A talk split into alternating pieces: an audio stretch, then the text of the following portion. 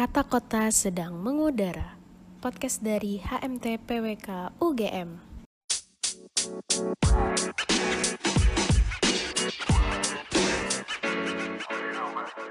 Halo warga kota semua, selamat pagi, selamat siang, selamat sore, selamat malam, sesuai dengan di mana pun kalian berada. Selamat datang di podcast Kata Kota episode kelima. Apa kabar nih semuanya? Uh, semoga kalian semua sehat dan baik-baik aja ya. Oke, sebelumnya perkenalkan dulu, nama aku Yudit Kinta Adia Putri atau biasa dipanggil Kintan, seorang mahasiswi di program studi perencanaan wilayah dan kota UGM angkatan 2020. Nah, tapi di podcast kali ini aku nggak sendirian nih teman-teman. Jadi di sini ada Kak Ipai dan Catherine. Dipersilahkan untuk uh, Kak Ipai dan Catherine untuk memperkenalkan diri dulu nih. Halo teman-teman, kenalin aku Irfan, Aku dari PWK Angkatan 2019. Halo teman-teman, kenalin nama aku Catherine Novitanti Angelina, mahasiswa PWK Angkatan 2020. Salam kenal semuanya. Oke, terima kasih Kak Ilai dan Catherine. Nah, jadi di podcast kali ini aku akan membawa teman-teman warga kota ke dunia per yang katanya begini, eh nyatanya begitu. Nah, istilahnya isi podcast ini adalah ekspektasi versus realita. Nah, gak usah lama-lama lagi nih. Uh, aku udah kepo banget sama pengalaman-pengalaman dari Kaipai dan Catherine. Nah, dengar-dengar PWK itu tuh teknik yang paling santai gitu ya. Kalian setuju nggak sih sama statement itu? Waduh, setuju nggak ya? gimana tuh, Kak? Catherine gimana, Catherine? Setuju nggak, Catherine? Kalau aku setuju banget, baru. Kak setuju oh, banget serius kan kamu setuju iya kenapa tuh um, aku apa ya nganggap kalau PWK itu apa, teknik yang gak teknik-teknik banget tapi kayak bisa nyantai aja gitu kalau kayak Ipai aku sebenarnya setuju gak setuju ya maksudnya tergantung juga tergantung kita apa ya kapan kita akan di compare-nya gitu loh tapi hmm, kalau overall memang bebannya itu beda sama teknik yang lain. Maksudnya Betul. kita kan nggak ada kayak nggak ada praktikum gitu ya. Terus kita juga nggak ada ya pasti nggak ada laprak. Tapi kan ada laporan kan. Sebenarnya kan laporan itu kan walaupun namanya laporan studio, kalau di kita kan kalau kan laporan praktikum, ya, namanya tetap laporan tapi memang bebannya beda. Tapi kalau in general atau overallnya aku nggak bisa ngomong sih. Hmm, lebih beratan ya, mana ya, gitu. Tapi di PWK santai. Tapi aku nggak tahu yang lain. Tapi kesimpulannya adalah uh, menurut KP itu uh, eh, PWK tuh bisa santai bisa enggak, sedangkan nah, kalau catering itu masih bisa santai gitu ya. Betul. Kalau mau sibuk mau bisa, kalau mau santai bisa gitu. Bener-bener. Tapi kalau menurut aku kayak kalau misalnya kita jadi anak PWK tuh uh, kita tuh masih bisa ekspor ke bidang-bidang lain gitu sih. Kayak kita masih bisa aktif ke organisasi A, B, C, D gitu. Jadi kayak um, kesibukannya tuh masih bisa diatur gitu ya nggak sih? Nah bener banget tuh. Bener ya, banget. Jadi sih. kayak tergantung pilihan masing-masing dari mahasiswanya sendiri gitu kan ya. Iya benar. Oke, bener, nah parah. terus nih katanya tuh uh, orang PWK tuh jurusan teknik yang sosial banget gitu. Ngerasa gitu gak sih? Kalau aku pribadi sih ya setuju banget sih. Nah, kenapa kenapa kamu bisa ngomong kayak gitu, Kat? Karena jujur waktu awal-awal sebelum milih jurusan masuk kuliah, aku juga ngeliat gimana prospek jurusan fintech yang emang ada sosumnya gitu. Nah, kebetulan nemu-nemu PWK nih kan, aku lihat-lihat, ternyata PWK ini emang bener-bener ada rasa sosialnya gitu loh, karena kita nggak ada uh, belajar kayak fisika, biologi, kimia, walaupun ada matematika nih di pelajaran semester 1. Cuman emang yang kayak Kintan bilang tadi, di PWK itu semua aspek tuh bisa dipelajarin gitu. Hmm, benar. Kalau menurut Kak Ipa gimana nih? Aduh, kalau aku baru bener-bener bisa paham itu di semester ini sih. Kemarin tuh ada satu dosen, namanya dosen eh, dosen pembimbing studi aku. Itu namanya Pak Eko Heri ya. Dia tuh apa ya sangat menentang segala sesuatu yang bersifat bukan menentang ya nggak nggak begitu setuju lah maksudnya itu segala sesuatu itu nggak bisa dikuantifikasikan gitu loh. Jadi harus ada sisi sosialnya kalau kata dia ya. Dan menurut aku itu itu bener banget gitu.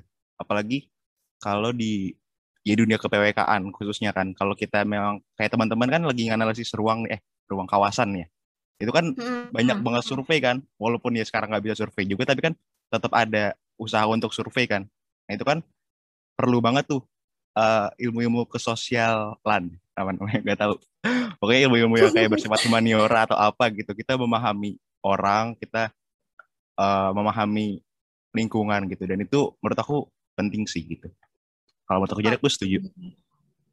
Ya, bener banget. Jadi kayak di anak PWK tuh jarang banget dapet hitung-hitungan gitu ya gak sih? Kayak kita nggak tersentuh dengan fisika dan kimia lagi gitu. Tapi kalau misalnya matematika kita masih ada lah ya sedikit-sedikit.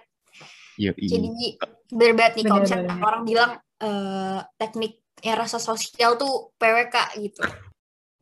Kalau Kintan sama Catherine bersyukur atau enggak tuh kayak gitu tuh? Gak ada fisika kimia.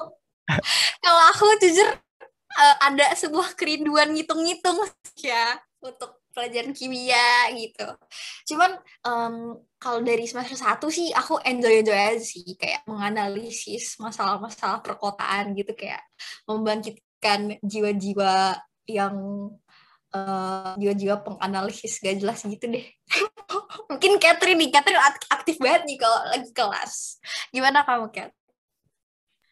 Kalau aku pribadi sebenarnya nggak ngebenci hitung-hitungan ya. Cuman aku emang tipe orang yang lebih suka menganalisis dibanding menghitung gitu. Jadi uh, bersyukur sih yang kalau ditanya Kak Ipai senang apa enggak, senang banget nggak ketemu hitung-hitungan ya kayak fisika, kimia. Karena emang tujuan aku masuk PWK salah satunya mau menghindari itu guys, gitu. Oh, gitu. Jadi buat warga kota yang mungkin masih SMA dan bingung mau masuk jurusan apa yang teknik tapi nggak menghitung-hitung boleh banget masuk PWK oke okay. nah yes. terus um, teknik itu kan biasanya identik dengan uh, cowok ya kan nah tapi kalau misalnya PWK tuh katanya sih kebalikannya bener nggak sih kan uh, sebenarnya bisa dilihat dari room ini ya lawan bicara keduanya cowok eh, cewek aku cowok sendiri. Itu kayaknya udah menggambarkan gak sih? Tapi emang iya sih. Kalau di angkatan aku tuh kayaknya sepertiganya cowok deh. Kayak dari iya iya iya. Ya, di angkatan aku juga ya. sih sepertiga. Nah kan. Emang kayaknya nggak tahu ya. Aku juga gak ngerti kenapa. Banyak cewek yang masuk banyak cowok yang gak masuk PWK gitu. Tapi bener sih. Tapi itu malah seru gak sih? Maksudnya kalau ketemu anak teknik-teknik lain itu ya pada pada seneng gitu kalau ketemu sama anak PWK. Maksudnya ke teman-teman aku itu kayak pada excited karena dunianya bener-bener beda sama dunia mereka gitu.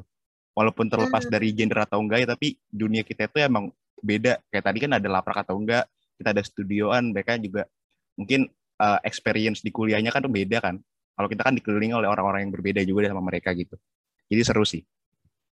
Hmm, seru ya kak, dapat uh, banyak cewek-cewek gitu ya. Seru dong. Jadi gak bosen. nah, itu dia maksudnya. nah, oke okay nih. Mungkin ini uh, statement yang selanjutnya tuh adalah jurusan yang sering jalan-jalan. Dari namanya aja nih PWK, Perencanaan Wilayah dan Kota.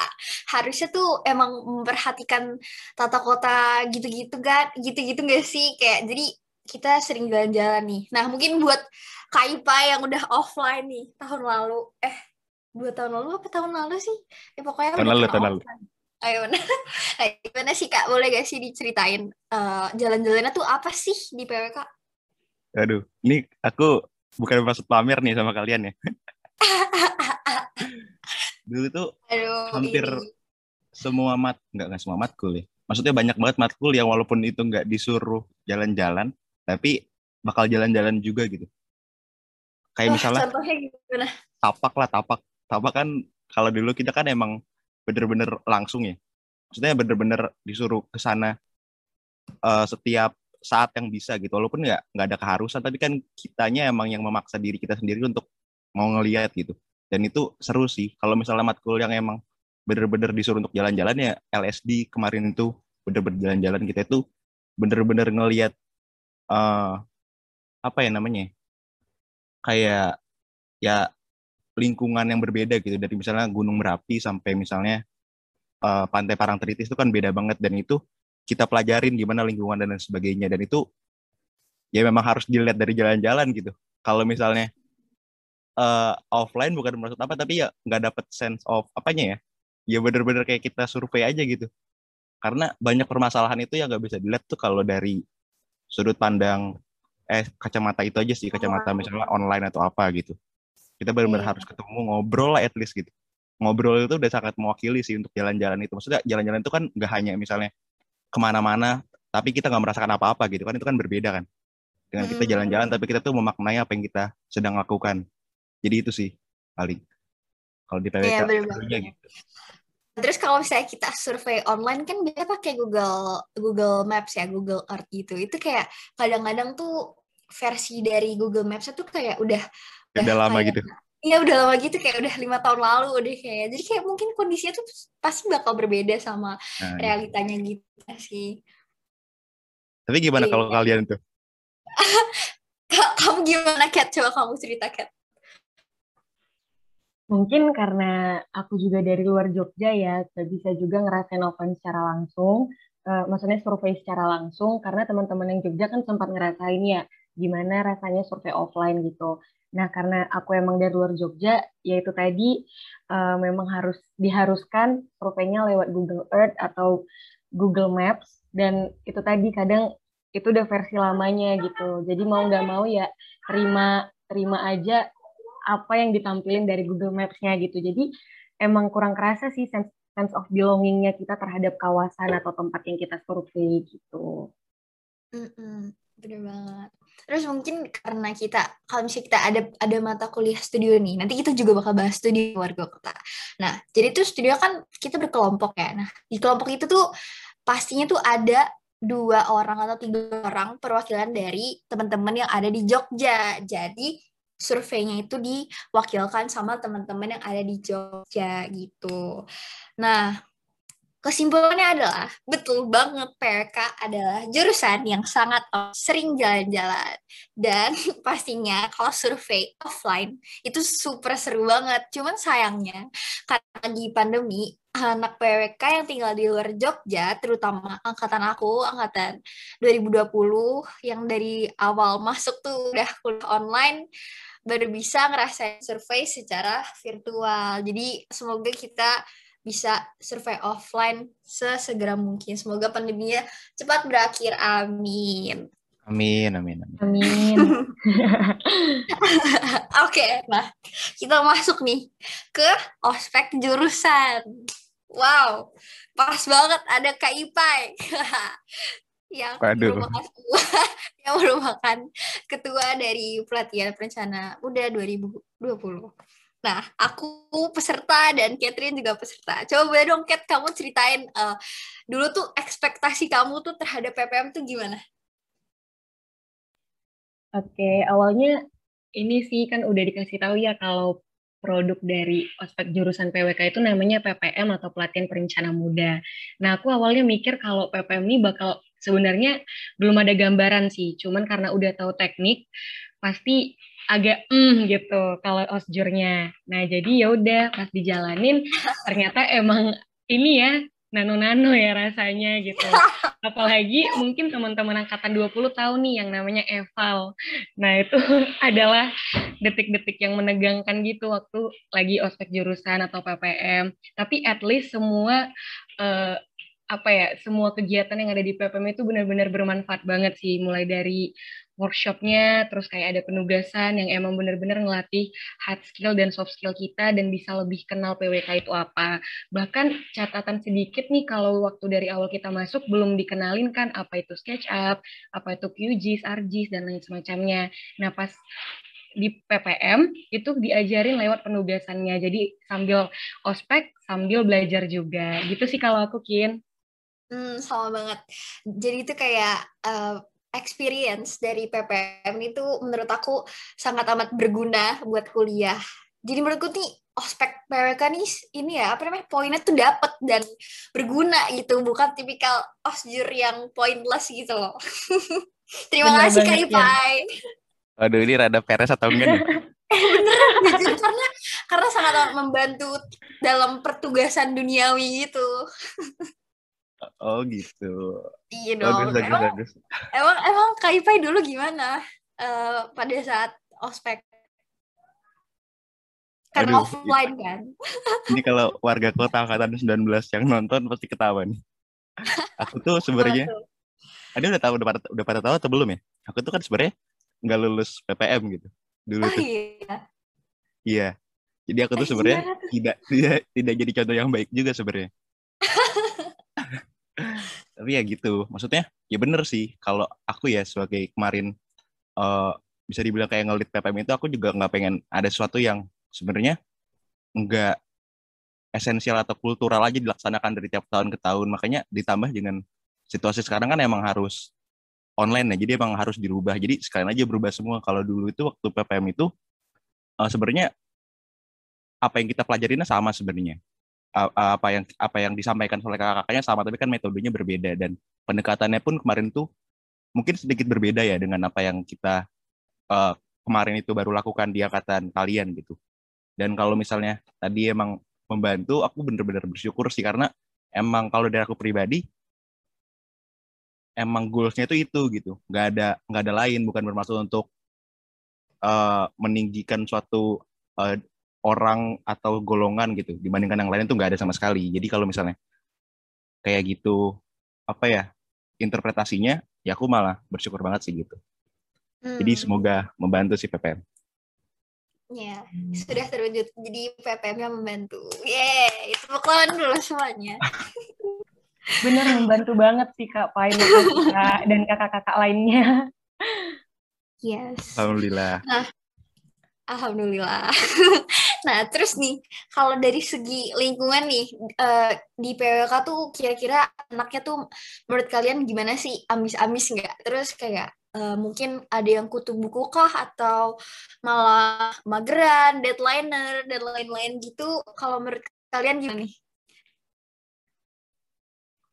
Kalau dari aku ya itu ya, ngomongnya dari angkatan aku ya mungkin ya. Iya ya, benar-benar dari teman-teman aja. Kalau dari angkatan aku, ada sih orang yang benar-benar kayak belajarnya buku banget gitu. Tapi kayak overallnya itu enggak gitu. Kalau aku mandangnya, karena bukunya pun kalian nggak punya buku fisik kan kalau di PWK itu kan maksudnya iya. secara buku ilmuwan itu kan nggak ada kan hanya dari berbagai uh, referensi literatur kayak misalnya uh, ya apa misalnya mungkin apa sih namanya tesis orang atau apa pun bukunya nggak yang benar-benar ada materi dan kalau buku-buku yang kita pakai itu kan buku-buku yang lawas banget ya. Karena ilmu hmm. perencanaan itu kan yang benar-benar mungkin relate sama kehidupan sekarang itu yang benar-benar dibuat di dulu-dulu mungkin ya kalau kata dosen-dosen tuh. Jadi kalau untuk yang sekarang itu nggak begitu kalau aku mandang ya nggak begitu banyak orang yang ambis benar-benar baca sih, tapi lebih ke gimana pemaknaan kita pas kita surveinya tadi itu. Lebih ke situ sih. Dan mungkin itu bukan bisa disokong dari kita melihat teori-teori dari buku gitu jadi teori dari buku itu sebenarnya nggak hanya nggak sebagai pedoman penyokong aja sih kalau dari aku pribadi ya nggak bener-bener yang dari uh, utamanya gitu dan masih juga dibantu oleh kayak misalnya materi dari dosen dan lain sebagainya itu menurut aku lebih relate sih dengan kehidupan kita gitu. Oke, okay. kalau dari Catherine gimana nih dari angkatan 2020? Oke, okay, mungkin kalau masalah tanya anak 20 ambis dan kutu buku nggak sih? Nah, sebenarnya aku nggak bisa bilang secara belak-belakan ada yang ambis atau kutu buku atau mageran dan lain semacamnya karena di dunia perkuliahan pasti beragam-ragam ya sifat dan bentukan mahasiswanya gitu. Nah, tapi satu hal yang aku yakinin kalau anak PWK 2020 tuh keren-keren banget jujur. Mereka tuh bener punya insight yang luas. Keren banget sih.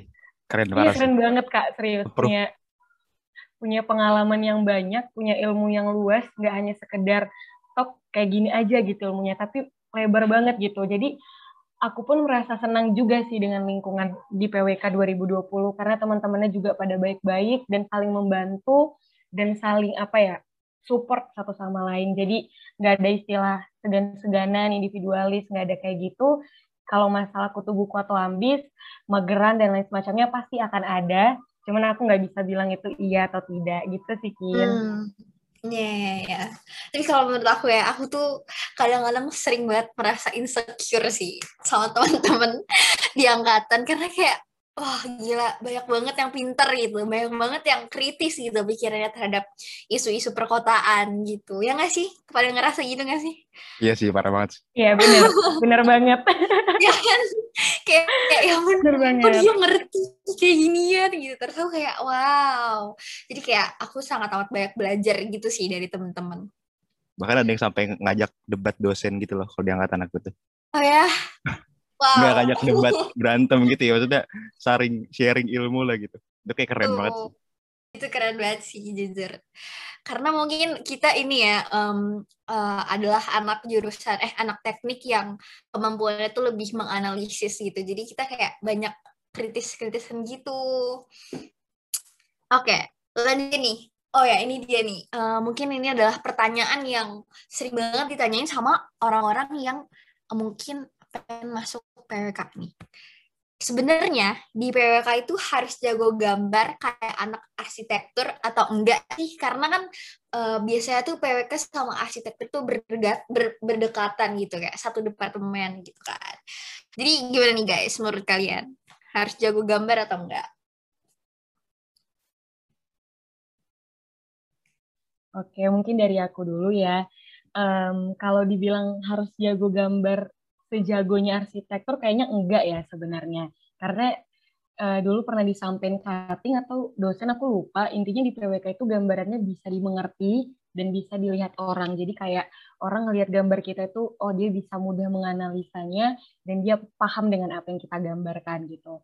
Uh, tapi agak bohong juga nih rasanya kalau kita bilang PWK nggak harus jago gambar. Menurut aku tuh itu agak, menurut aku tuh agak sedikit klise ya. Karena dulu sempat nih aku uh, flashback sedikit, tanya pernah nih tanya ke salah satu kakak kelasku, PWK itu ada gambar-gambarnya nggak ya? Terus dia bilang enggak kok, nggak harus jago gambar malahan dan ternyata ada tuh yang namanya matkul kompres kan. Nah, jadi menurut aku, menurut aku kalau sejago kalau harus jago gambar nggak harus jago tapi harus bisa kayak gitu sih. Hmm, kalau Kak Ipa gimana nih tanggapannya? Aduh, aku mewakili sudut pandang orang yang gak bisa gambar ya sebenarnya. Ya aku sama kayak Catherine sih dulu waktu nanya-nanya ke teman-teman eh kakak kelas aku dulu waktu SMA kayak ada uh, harus disuruh gambar nggak sih atau gimana? gitu. Terus kayak mereka bilang enggak kok santai santai. Walaupun itu tuh yang di PPK UGM gitu ngomongnya. Jadi aku ekspektasinya wah enggak nih. Dan ternyata itu ada gitu. Dan lagi itu buat kuliah berapa SKS ya? Tiga SKS ya? Kan lumayan gitu kan. Terus kayak iya ya lumayan banget tapi ya untung waktu itu teman-teman juga yang bukan teman-teman sih kayak lingkungannya juga maksudnya nggak bener-bener yang nuntut kita untuk jago gambar dalam artian kayak anak arsi gitu-gitu loh. Tapi lebih yang kayak apa ya bisa ngebantu juga. Kita tuh banyak dibantu sama teman-teman kemarin uh, dibantu. Jadi kita juga walaupun aku tuh bener-bener nggak yang nggak ngerti gitu loh untuk gambar-gambar.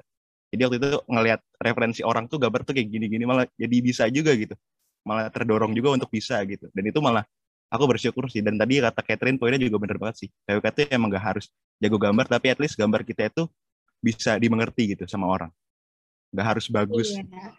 Benar, Benar banget nih. Nah, terus nih kan matkulnya tuh tadi udah disinggung nih sama Catherine. Matkulnya adalah tech kompres, teknik komunikasi dan presentasi. Nah, itu tuh tugas-tugasnya kan suka ada revisi gitu kan ya. Kalau kalian nih tim revisi atau tim anti revisi? Aku ada pengalaman ini nih. Eh, boleh yang... banget nih di sharing kak. Aku waktu itu tuh dapetnya amin min min gitu. Terus aku baru aku nggak nggak ngebuka gitu. Aku nggak ngebuka uh, dari detap karena waktu itu pelajaran itu tuh abis teh kompres tuh ada pelajaran Pancasila atau uh, eh, KWN ya gitu. Jadi aku itu langsung ke filsafat gitu. Aku baru buka di filsafat, aku ngeliat dan aku bener-bener kayak emosi aku robek. Aku robek kertasnya gitu loh. Aku ya udah aku robek jadi dua gitu. Terus kayak pak kan ntar direvisi ntar dia apa bodo amat lah gue nggak kayak gak mikir gitu. Terus ya udah akhirnya untungnya setelah itu itu offline gitu. Eh online, online. jadi revisinya nggak diminta gitu. Jadi ya ya udah. Tapi aku bukan tim yang bakal nyoba sih bakal nyoba kalau misalnya itu jelek banget tapi kalau misalnya kayak A minus doang atau minus dua atau apa gitu enggak sih kalau aku eh mm. bukan A minus deng B minus sorry dari itu B minus B min min min min gitu Iya, ya, setuju. Aku juga kayak gitu soalnya. Mager banget. Kalau Catherine gimana nih, Kat? Kalau aku sendiri sebenarnya adalah tim yang revisi. Nah, sebagai catatan aku bukan orang yang jago gambar, enggak sama sekali. Bahkan kalau disuruh gambar pemandangan, paling gunung doang nih, sama matahari sama burung, sama sawah. Jadi aku bukan tipe orang yang jago gambar, enggak. Uh, tapi benar kata Kak Ipai, dengan melihat lingkungan yang jago gambar tuh terdorong gitu. Jadi gimana ya bisa gambar yang kayak gitu? Jadi penasaran nanya-nanya juga. Kalau tadi ditanya sama Kintan tim revisi atau anti revisi tentunya tim revisi nih. Agak agak deg-deg juga ya kalau misalnya nggak revisi take kompres itu sih aku. Hmm. ya ya ya jadi terlihat ya guys perbedaan antara kita bertiga. Kalau Kintan tim revisi atau enggak nih? Aku aku kalau misalnya harus revisi aja kalau misalnya udah aman aku nggak skip. Aku capek. Nah sama kita kin. Sama. Gitu jadi kayak ya udah ya gitu udah aman gitu. Jadi kayak bukan bukan tipikal yang mengejar nilai A gitu. Karena sangat pesimis juga gitu. Kayak gambar gambar aku nggak sebagus itu deh gitu. Nah, sampai ke topik terakhir. Di PWK tuh kan nggak ada laprak ya, tapi kita ada yang namanya studio. Nah, boleh dong jelasin studio itu apa dan ngapain aja sih? Mungkin dari Kak Ipa ini, yang angkatan 2019. Aduh, studio itu bener-bener apa ya dinamikanya banyak sih. Aku gak tahu kalau teman-teman juga ngalamin ya, tapi waktu itu aku tuh di studio pertama itu itu studio yang mungkin juga teman-teman 19 yang warga kota 19 yang denger itu pada ketawa sih. Studio aku tuh dulu tuh banyak banget dinamikanya kayak berantem mulu setiap setiap studio gitu. Terus kayak tapi aku baru nyadar di sekarang kalau itu tuh malah bagus gitu. Dibandingkan kalau kita, ini preferensi aku ya, di studio itu cuma diem-diem aja manut-manut doang gitu. Tanpa ada saling, saling ngasih pendapat. Dan itu yang bener-bener kata Catherine sama Kintan tadi udah sebutin, itu tuh perbedaan PWK sama enggak gitu kalau yang enggak itu mungkin aku juga nggak bisa tahu ya. Tapi kan terpaku ya hanya pada rumus dan yang itu mutlak ya nah kalau kita tuh kan hmm. bener-bener banyak variabelnya gitu. Dan itu tuh memang perlu didiskusikan. Jadi aku tuh malah baru nyadar tuh kalau studio itu emang lebih bagus kalau kita itu rame. Berantem pun nggak apa-apa gitu ya. Tapi jangan hard feeling juga ya. Betul jangan baperan. Kayak kayak ya udah uh, musuhan gitu. Jangan juga tapi jawab gitu ya. Nah benar asalkan kita ngomong ada dasarnya dan kita merasa itu benar ya ya didiskusikan aja gitu sampai kita merasa hal itu oh udah oke okay nih gitu. Jadi itu seru sih kalau bisa dibandingkan teknik lain yang mungkin itu jadi keunggulan sendiri karena kita jadi sering ngobrol sama orang gitu. Hmm, bener banget nih, aku setuju. Jadi kita bisa ngediskusiin nih tentang uh, analisis sebuah kawasan kah atau rencana-rencananya. Nah, jadi di PWK-nya tuh ada tiga tingkatan studio nih. Jadi yang pertama itu ada studio tingkat kawasan, kemudian ada tingkat kota dan tingkat wilayah. Nah, aku sama Catherine ini masih semester 2 itu masih di studio kawasan, sedangkan Kak Ipa itu udah di studio kota. Oke. Okay. Um, kalau aku pengen nanya nih buat Kak Ipa sama Catherine, eh Catherine udah udah pasti ding buat Kak Ipai deh, buat Kak Ipai itu uh, dulu pas studio kota semester mulai semester 3 sampai semester 4 deh, itu Ipai ada survei offline-nya nggak sih? Apa full online gitu? Oh, kalau aku kemarin nggak disuruh sih, nggak wajib, tapi studio aku tuh hampir semua 19 deh kayaknya, semua warga kota 19 yang dengerin. Mm-hmm. Ini juga ngerasain mungkin pada survei sih. Kayak kita mandiri aja gitu, karena biasanya itu kalau dari tahun-tahun sebelumnya, survei itu ada waktunya sendiri. Kayak seminggu atau dua minggu aku lupa deh. Jadi kita tuh bener-bener nggak kuliah kalau dulu tuh sebelum corona. Tapi kalau sekarang itu kayak di Sambi gitu loh karena kota-kota kita kan juga deket ya. Jadi bisa pulang pergi pulang pergi terus. Jadi kayak hmm. mungkin waktu studionya itu di hari uh, Senin kalau kita Senin sama Jumat eh Selasa sama Jumat sorry Selasa sama Jumat ya itu pas kita di hari itu ya emang kita cabut ke kota masing-masing gitu. Dan untungnya juga dari prodinya juga nggak ada nggak ada mata kuliah lain setelah itu. Jadi emang bener sehari itu buat di sana gitu. Kalau aku sih. Kalau kalian gimana? Hmm, kalau aku um, aku aku online sih selama semester selama semester dua. Gitu. Tapi sempat kemarin awal tahun 2021 eh enggak nih baru kemarin ya. Baru kemarin bulan Maret aku sempat ke Jogja buat bantuin temen-temen aja sih gitu kalau kamu gimana Kat? Kamu full online ya Kat? Iya, kalau mungkin ditanya aku gimana pastinya full online ya karena belum kerja juga gitu.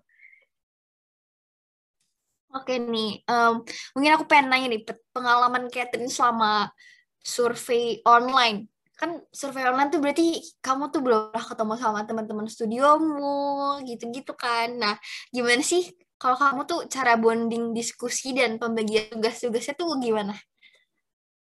Kalau masalah bonding, dari studio semester 1 itu kita banyakin jam terbang, baik itu diskusi atau membahas tentang materinya itu dengan banyakin jam terbang lewat grup chat, grup line, dan Gmeet. Jadi kita ngandalin dua itu biasanya. Satu uh, emang ngandelin grup line, grup studio, yang kedua tuh lewat Google Meet. Jadi memang karena nggak bisa tatap muka nih secara langsung, otomatis cuman apa ya bisa mengandalkan virtual doang gitu. Nah jadi ya aku sama teman-teman studioku cara bonding, cara diskusi dan lainnya emang pastinya lewat online. Nah, nanti di situ kita diskusi uh, saling tukar pikiran gimana nih pembahasan terkait ini, terkait itu sampai ke rencana gitu. Jadi emang masalah bonding lewat ya itu tadi lewat grup lain atau enggak Google Meet. Itu sih Kin. Hmm, iya, sama sih. Aku juga kayak gitu. Terus kalau buat diskusi sama pembagi tugasnya mungkin pakai ini nggak sih, Kat? Um, apa namanya? Google Sheet. Leader shuffle. ya, leader shuffle keadilan. bener Iya, bener.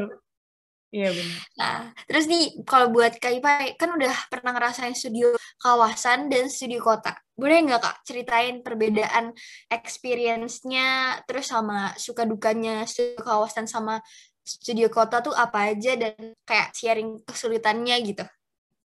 Aduh, ini kayak pertanyaan waktu PPM ya. uh, itu sih kalau yang dianalisis pasti beda sih. Kalau mungkin teman-teman pernah dengar juga ya kalau kata Pak Deva atau guru-guru di eh dosen-dosen di T-Kompres semakin kecil skalanya, maksudnya semakin kecil lingkupnya itu semakin detail gitu.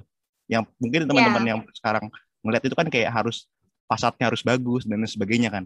Tapi kalau hmm. sebenarnya di di kota dia uh, so taunya aku aja ya.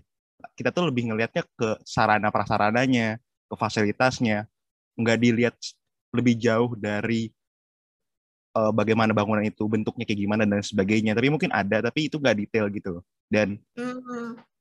lebih ke apa ya?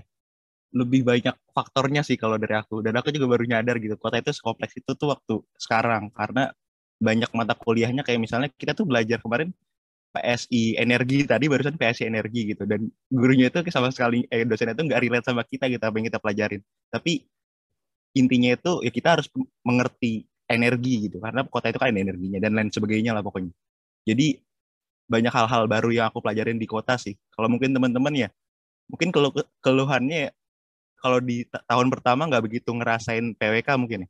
Itu kayak hmm. lebih abstrak atau gimana ya. Memang memang seperti itu gitu. Jadi itu bukan bukan sesuatu yang salah gitu. Dan kalau teman-teman nanti mungkin aku bisa saran nih coba aja dulu ngeliat ke kota nanti gimana karena itu tuh yang bener-bener ngebuat kita tuh ada di PWK gitu di kota sih menurut aku pribadi ya. Kayak gitu. Hmm, ya, Karena, tapi ya. kalau misalnya menurut Kaipa lebih enak uh, studio kawasan kota eh studio kawasan atau studio kota apa aja serunya atau apa iya lebih seru seru seru mana aku lebih suka kota sih kayaknya hmm. oke okay. kalau kalian kawasan ini gimana nanggepinnya maksudnya apakah ya tadi sama kayak aku bilang tadi atau mungkin punya pendapat beda gitu oh, kalau aku kalau kita mungkin perbandingannya studio semester pertama sama semester kedua kali ya. Semester Mm-mm. pertama kan analisis, kedua tuh rencana ya. Kalau menurut aku tuh lebih mudah analisis daripada rencana. Sumpah kayak studio rencana tuh banyak banget revisinya. Kamu gitu gak sih, Kat? Bener sih, tapi kalau masalah studio yang analisis, itu agak lebih berat nggak sih, Kin? Karena banyak analisis dan poin-poin materinya gitu. Oh iya sih, lebih banyak kayak. poinnya. Mm, bener. Tapi kalau revisi kamu banyak mana rencana atau analisis? Analisis. eh, enggak, Oh, rencana. serius? Kamu- Sorry, rencana. Oh, Semester 2. ya kan? Kayak Iya, rencana benar. tuh kayak, kayak revisinya dua kali itu bisa gitu. Jadi Itu revisi apa emang? Revisi petanya gitu loh, Kak. Oh, Aku sama Pak Sur, sama Pak Dito. Kamu sama siapa, Kat? Oke, aku sama Pak Deva. Uh, sama Pak Deva, guys. Deva. Enak, enak sama Pak Deva. Mantap. Oke nih, nggak kerasa banget ya sih kita udah ngobrol sama kurang lebih 30 menit. Jadi ternyata tuh pengalaman di eh, program studi perencanaan wilayah dan kota game tuh bervariasi banget ya. Kayak jujur tuh seru banget. Apalagi kalau offline ya sih. Nah, em, sekarang aku, Kak Ipai, dan Catherine pamit undur diri dulu ya. Terima kasih sudah mendengarkan. Dan buat warga kota, semoga semuanya sehat. Dan sekian podcast Kata Kota episode kelima. Oke, terima kasih semuanya. Terima kasih semuanya yang sudah mendengarkan.